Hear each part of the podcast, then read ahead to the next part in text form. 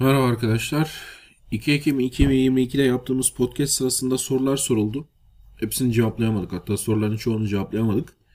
O yüzden bazı soruları seçtim burada cevaplayacağım.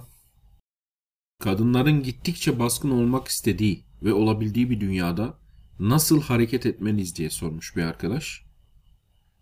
Sana bakarsanız günümüzde bile kadınların çoğu baskın olmak istemiyorlar veya istemeyecekler. Daha çok pozitif şekilde baskın yani despot değil de liderlik şeklinde dominant olan erkekle beraber olmak istemeye devam edecek çoğu kadın. Fakat bence feminizmin kadın erkek ilişkilerindeki bir mekanizmayı bilerek ya da istemeyerek hacklemesi diye bir durum var. Bu mekanizma fitness ya da bizim shit test dediğimiz mekanizma. Daha önceden de belirttik kadın erkeğini test etmek için ilişkide ipleri eline almaya çalışır ara ara. Bunu yaparken aslında bilinç altında da bu testi geçmenizi veya zorbalığa başvurmadan ipleri ona bırakmamanızı ister. Yani sadece fiziksel güce değil çünkü fiziksel güce kadına karşı her erkek sahiptir. Gerçek güce yani duygusal güce sahip misiniz onu görmek için yapıyor o testi. Şimdi erkeklere ve kadınlara kadınların baskın olmaya başladığı bunun gerektiği konusunda propaganda pompalanıyor mu? Pompalanıyor. Erkeklerin kadınların baskınlığını desteklemeleri gerektiği, kendi baskınlıklarından ya da işte toksik maskülinitelerinden kurtulmaları gerektiği, bunu yapmazlarsa mağara adamı oldukları propagandası da pompalanıyor. Bu durumda erkek kadının shit testiyle karşılaştığında yani kadın ipleri eline almaya çalıştığında düşük statülü mağara adamı yaftası yememek için bir kesimden en azından e, kadının baskın olmasına izin veriyor. Hatta bunu teşvik ediyor. Tekneden tabii ki bu değil. Yani tekneden mağara adamı yaftası yemek değil. Daha çok kaybetme korkusu da var.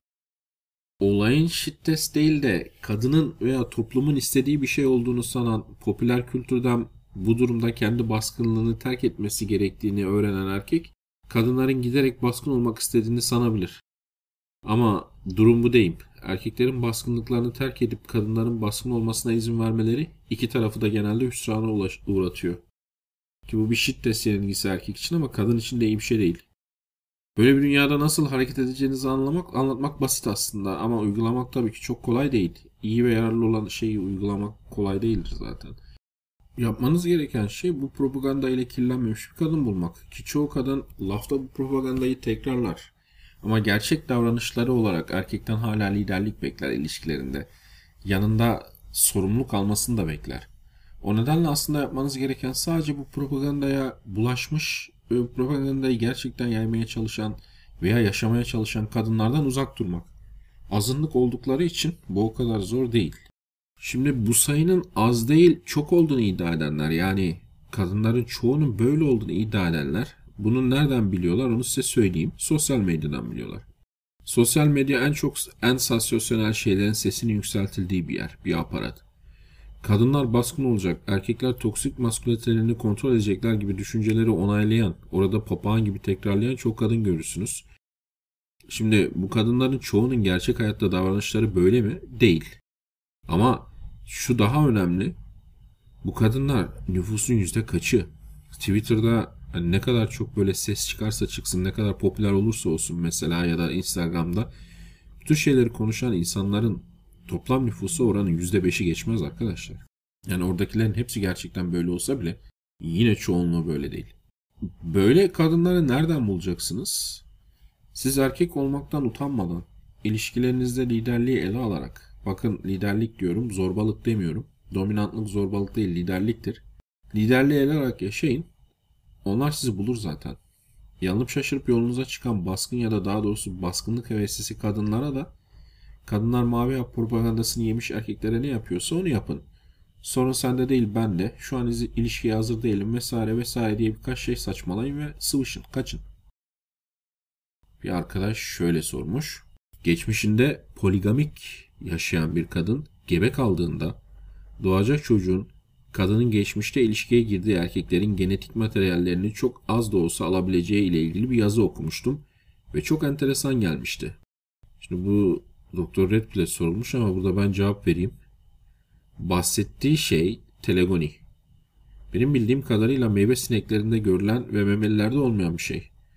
Kadın poligamik yaşar demiş ya kadının poligamik yaşamasıyla ilgili demiş. Hayır. Kadının önceki cinsel partnerlerinden kalan genetik materyali vücutlarında tuttuğu bir şekilde ve bu materyalin çocuğun babasının genetik materyaline eklenerek çocuğa geçtiği iddiası bu. Şimdi memelilerde yapılan deneylerde böyle bir şeyin tekrarlandığı görülmemiş. Bu deneyler o kadar da zor değil aslında düşünün.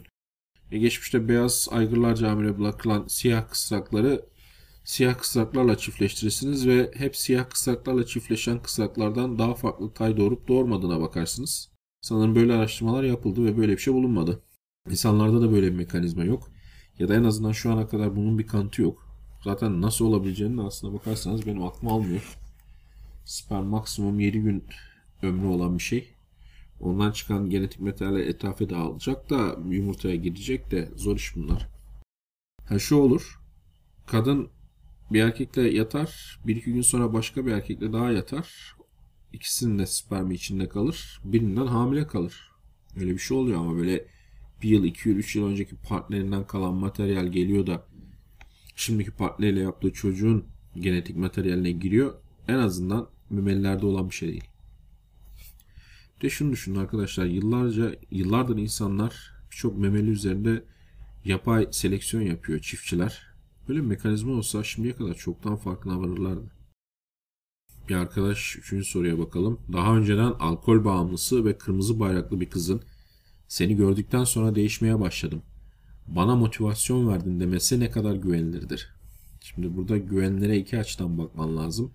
Kadın bunu söylerken samimi mi diye soruyorsan muhtemelen samimidir. Ama kadın bu tür bir bağımlılığı veya ruhsal arızayı aşabilir mi? Ona güvenmek zor. Ve sorun şu ki bir insan böyle şeyleri hayat onları güzel bir ilişkiyle ödüllendiriyorken bırakmazlar. Genellikle bu şeyler yüzünden cidden kaybettiklerinde bırakırlar.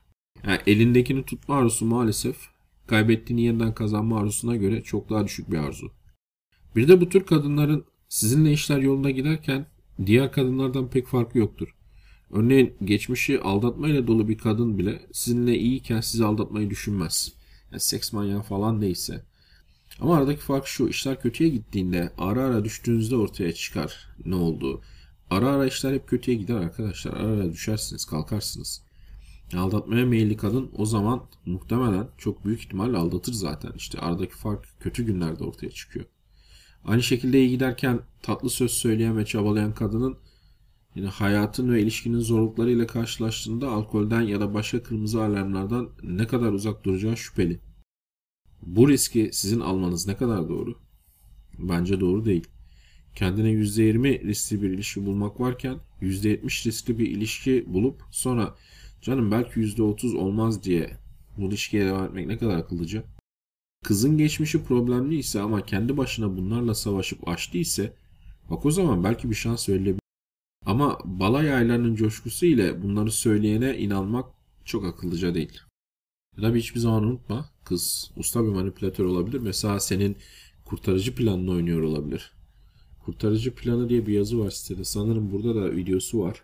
Ona bakabilirsiniz ne olduğu ile ilgili. Düşük ilgi veya ilgisiz davranmakla trip atmak arasındaki ince çizgi nedir? Şimdi ilgini geri çekmekten bahsediyoruz biz sitede. Düşük ilgiden veya ilgisiz davranmaktan bahsetmiyoruz. Zaten çoğu erkek trip atmayla ilgiyi çekmeyi birbirine karıştırıyor. Çünkü bir kızla konuşurken, mesajlaşırken e, veya işte yüzle konuşurken veya telefonda konuşurken soğuk davranmak sanıyor. İlgiyi geri çekmeyi. İlgiyi geri çekmek ne demek? Sizin bu kıza karşı cinsel ve duygusal bir ilginiz var. O sebeple mesaj yazıyorsunuz. O sebeple arada bir yokluyorsunuz. O sebeple buluşmaya çağırıyorsunuz. O sebeple buluşmada konuşturmaya konuşturmaya özen gösteriyorsunuz. Bunları bırakmak demek. Yani soğuk davranmayla alakası yok. Mesela kız size mesaj atar. Diyelim ki next dediniz. Zaten sonra bunu da sormuş. Özellikle de karşı taraf yazış... Pardon bu başka şeyden. Nextlediğimiz kişi geri döndüğünde hiçbir şey olmamış gibi konuşmamıza detaylı örnek verebilir misiniz? Şimdi nextlediğiniz kişiyi nextlemek demek siktir çekmek demek değil. Nextiyorsunuz demek peşinde koşmuyorsunuz. Bir daha aramıyorsunuz, sormuyorsunuz, mesaj atmıyorsunuz. Arada bir size böyle mesaj atabilir. İşte o mesaj attığında yani geri döndüğünde hiçbir şey olmamış gibi davranıyorsunuz. Sonuçta bir şeyiniz değil bu kız. Next demek bir şeyiniz değil demek zaten. Yürüyorsunuz sadece. Orada göstereceğiniz tavır şu. Ne haber Merve? Nasılsın? Sanki böyle hani zaten 3-4 tane kızla görüşüyorsunuz da Merve kaybolmuş geri gelmiş gibi. Ne haber kız? Neredeydin falan gibi. Neredeydin diye sormayacaksın tabii de. Ondan sonra yapacağınız şey çok basit. Eğer kız geri döndüyse mesela ve görüşmek istemiyorsanız bir daha tamamen nekseriyseniz kibar bir şekilde kısa keseceksiniz konuşmayı. Şu an işim var ben seni ararım sonra diyeceksiniz. Aramayacaksınız. Eğer yeniden buluşmak falan istiyorsanız da o zaman sıcak davranacaksınız zaten. Ama next demek ne demek? Arada hiç mesaj atmıyorsa size, hiç aramıyorsa, hiçbir şekilde siz mesaj atmayacaksınız, aramayacaksınız. Eğer bir daha size mesaj atmazsa veya aramazsa bir daha görüşmeyeceksiniz. Şimdi next'i no contact ile çok karıştırıyorlar. Yani bir sonrakiyle iletişimi kesmeyi çok karıştırıyorlar. İletişimi kesme eski sevgiliye yapılır. Yani aranızda bir tarihçe var arayıp sormuyorsunuz, stalklamıyorsunuz. Bu konuda Next de aynı. Fakat aralarında şöyle bir fark var. Eski sevgilinizi öyle kafanızdan hemen atamazsınız. Ama Next'lediğiniz kız anında kafanızdan atabilmeniz lazım. Çünkü görüşmüyorsunuz. Yani 1, 2, 3 haftadır yürüdüğünüz kız olmuyorsa ya da bir aydır onu hemen unutabilmeniz lazım. Çünkü bir şeyiniz değil, bir tarihçeniz yok. Sadece bir ayda ah onu unutamıyorum hep aklımda diye düşüyorsanız burada zaten büyük bir problem var sizin bu kızdan hariç bu kadar çabuk düşmeniz, bu açlık nereden geliyor? Ya da bu açlıktan nasıl kurtulursunuz? Çünkü bu açlık sadece fiziksel açlıkla açıklanamaz. Ruhsal bir açlık var burada. Neyse konuya dönelim. Bir kızla düşük yani ilginizi bir kızdan ilginizi çekmek için yapacağınız tek şey ondan cinsel ve duygusal ilginizi geri çekmek. Mesela artık mesaj atmayacaksınız. Artık yoklamayacaksınız. Artık aramayacaksınız. Bu kadar. Ama iletişim kurduğunuz yerde kıza soğuk davranmayacaksınız. İletişimi kısa keseceksiniz sadece. O kadar. Aynı şekilde mesela sevgilinizle yan yana oturuyorsunuz. E, hoşunuza gitmeyen bir şey yapıyor. Yani burada soğuk davranmaktan bahsetmiyoruz. O yapma, yaptığı şeyi söylersiniz mesela veya devam ederse kibarca kalkar gidersiniz. Trip atmak pasif agresiftir. İlginizi çekmekte pasif agresif hiçbir şey yok. Sadece artık bu kadın sizin cinsel ve duygusal ilginizi almıyor. Bu kadar.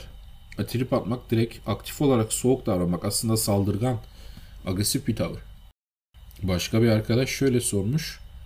Uzun ilişkisini bitirdikten sonra hızlı bir şekilde evlenen kızlar var. Bu patörnün sebebi ne olabilir? Patern sıklıkla tekrarlanan kalıp demek. Şimdi uzun süresi uzun süreli ilişkisi bittikten sonra hızlı bir şekilde evlenen kadınlar ve erkekler var. Erkekler de var bu arada. Şimdi kadınlar konusunda konuşalım. Burada birkaç tane dinamik var. Birincisi uzun süreli ilişkisi bittikten sonra mesela 4-5 sene sonra bir anda artık 30 yaşındayım, hayatımda kimse yok diye ayıkıp hızlı bir şekilde evlenmek isteyen kadınlar var. Bu bir.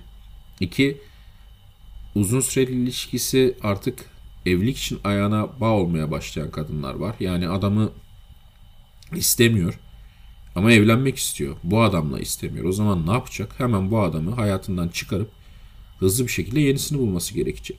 O yüzden pat diye diyelim ki hiçbir sorun yokken birden evlenmeyi düşünmeye başlar ve ben bu adamla evlenmek istiyor muyum? Hayır evlenmek istemiyorum der. Adamı bırakır hemen hemen kendisine yeni birini bulur. Burada tabii bir de üçüncüsü var. Bu adamla uzun süreli ilişkisinde yavaş yavaş soğumaya başlar. Soğuma bir noktaya gelir ki artık istemez adamı.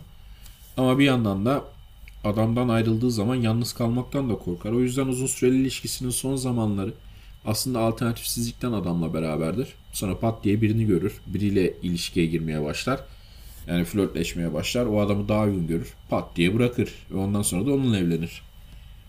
Yani bu kız aslında eski erkek arkadaşı için kurtulduğu bir kızdır. Yeni o evlenen adam için de tehlikedir. Çünkü yani daldan dala atlamıştır. Daldan dala atlayan kıza güven olmaz evlilikte veya uzun süreli ilişkide.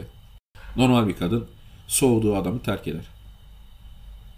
Terk ettikten sonra 3 ay, 4 ay, 5 ay şu uzun süreli ilişki 4 sene ise mesela belki daha fazla. O acısını, alışkanlığını, her şeyini falan çeker. Ondan sonra gider kendisine birini bulur. Mesaj oyununda ilgisiz yazışan kadına görüldü atmak yeterli bir tepki midir? Sana bu kadına görüldü at diye tepki ver diyen kim? Yani böyle saçma sapan bir tepkiyi bir kere niye veriyorsun? Bu tepki saçma.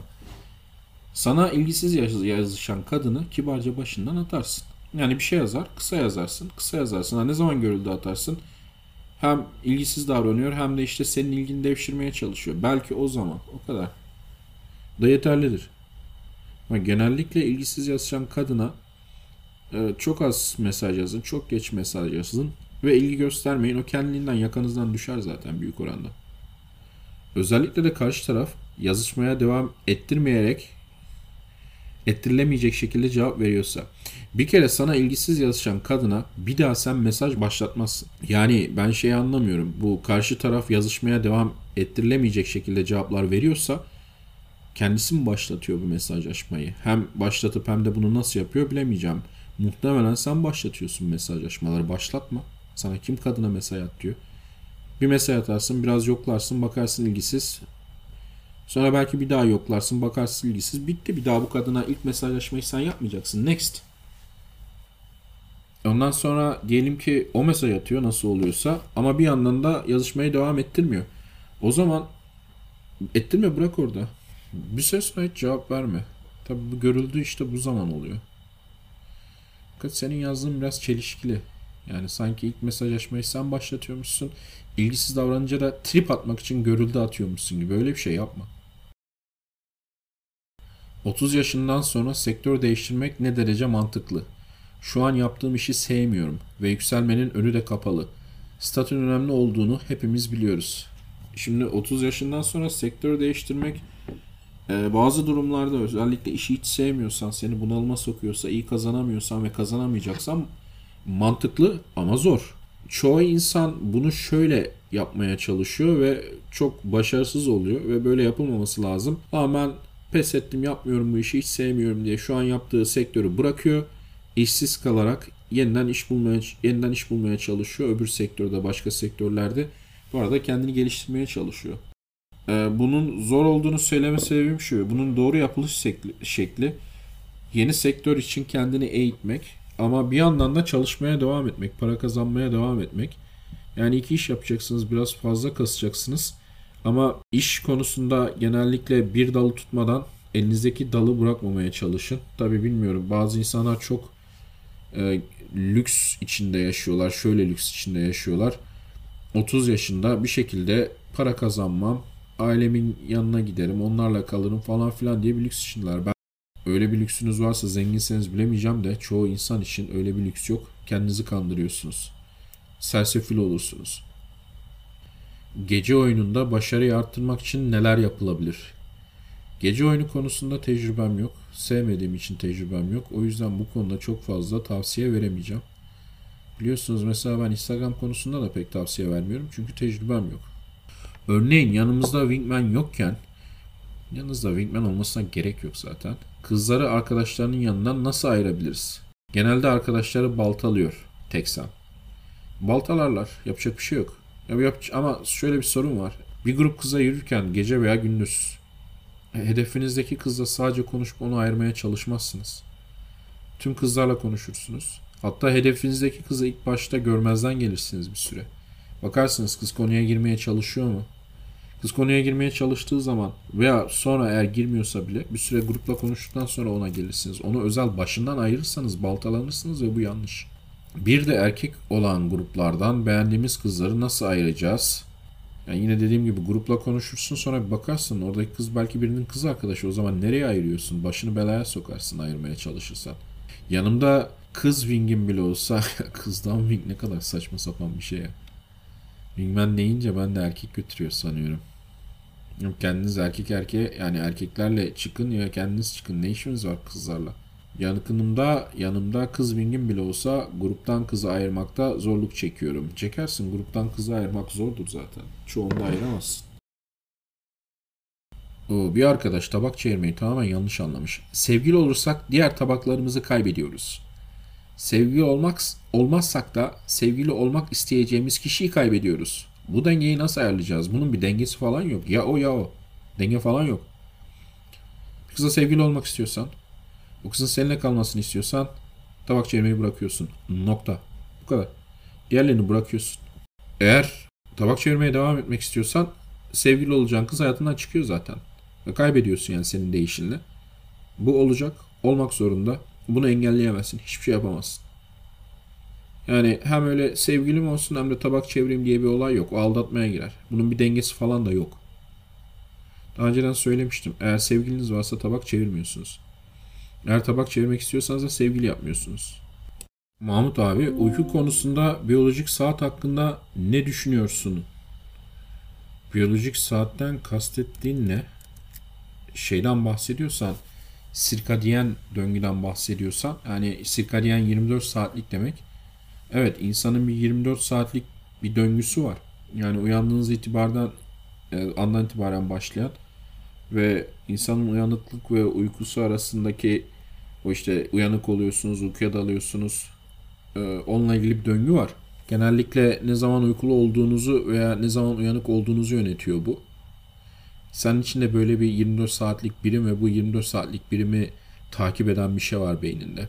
Yani bu saat sayesinde gün boyunca her yarım saatte bir uykunuz gelmiyor mesela. Da uykunuz günün belli bir zamanında genellikle 6-10 saatlik bir dilim içinde ve geceye mümkünse geliyor. Böyle bir saat var. Bildiğim kadarıyla yani şeyde de bahsettim en son podcast'te de bahsettim. Andrew Huberman'ın podcast'lerini çeviriyorum. Onun ilk başlangıç podcastleri uykuyla ilgili ve çok güzel.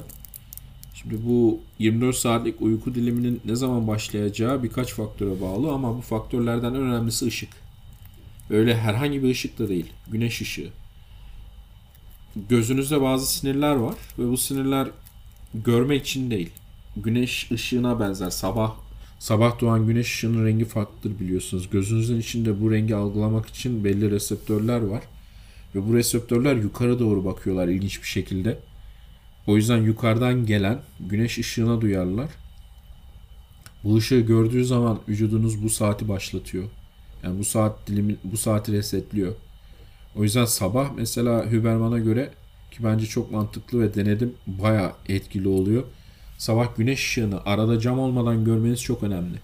Güneş gözlüğü camı veya şey olmayacak. Normal pencere camı. Dışarı çıkacaksınız balkona bir 10 dakika. En azından 2 dakika eğer güneş ışığı yeterliyse mesela yazsa. Tabi güneş ışığı yetersizken kış oluyor. 10 dakika dışarıda kıçınız donar. Fakat bir şekilde güneş ışığını görmeye bakın. Güneş doğduktan 1 veya 2 saat, 1,5 saat içinde bir de maksimum. Yani o yüzden güneş doğduktan sonra 2-1 saat içinde falan uyanmaya bakın. Bu çok önemli vücut için. Sirkadiyen döngüsünü böyle başlatmak. Özellikle gece uyuyabilmeniz, uykunuzun iyi olması, derin olması için çok önemli.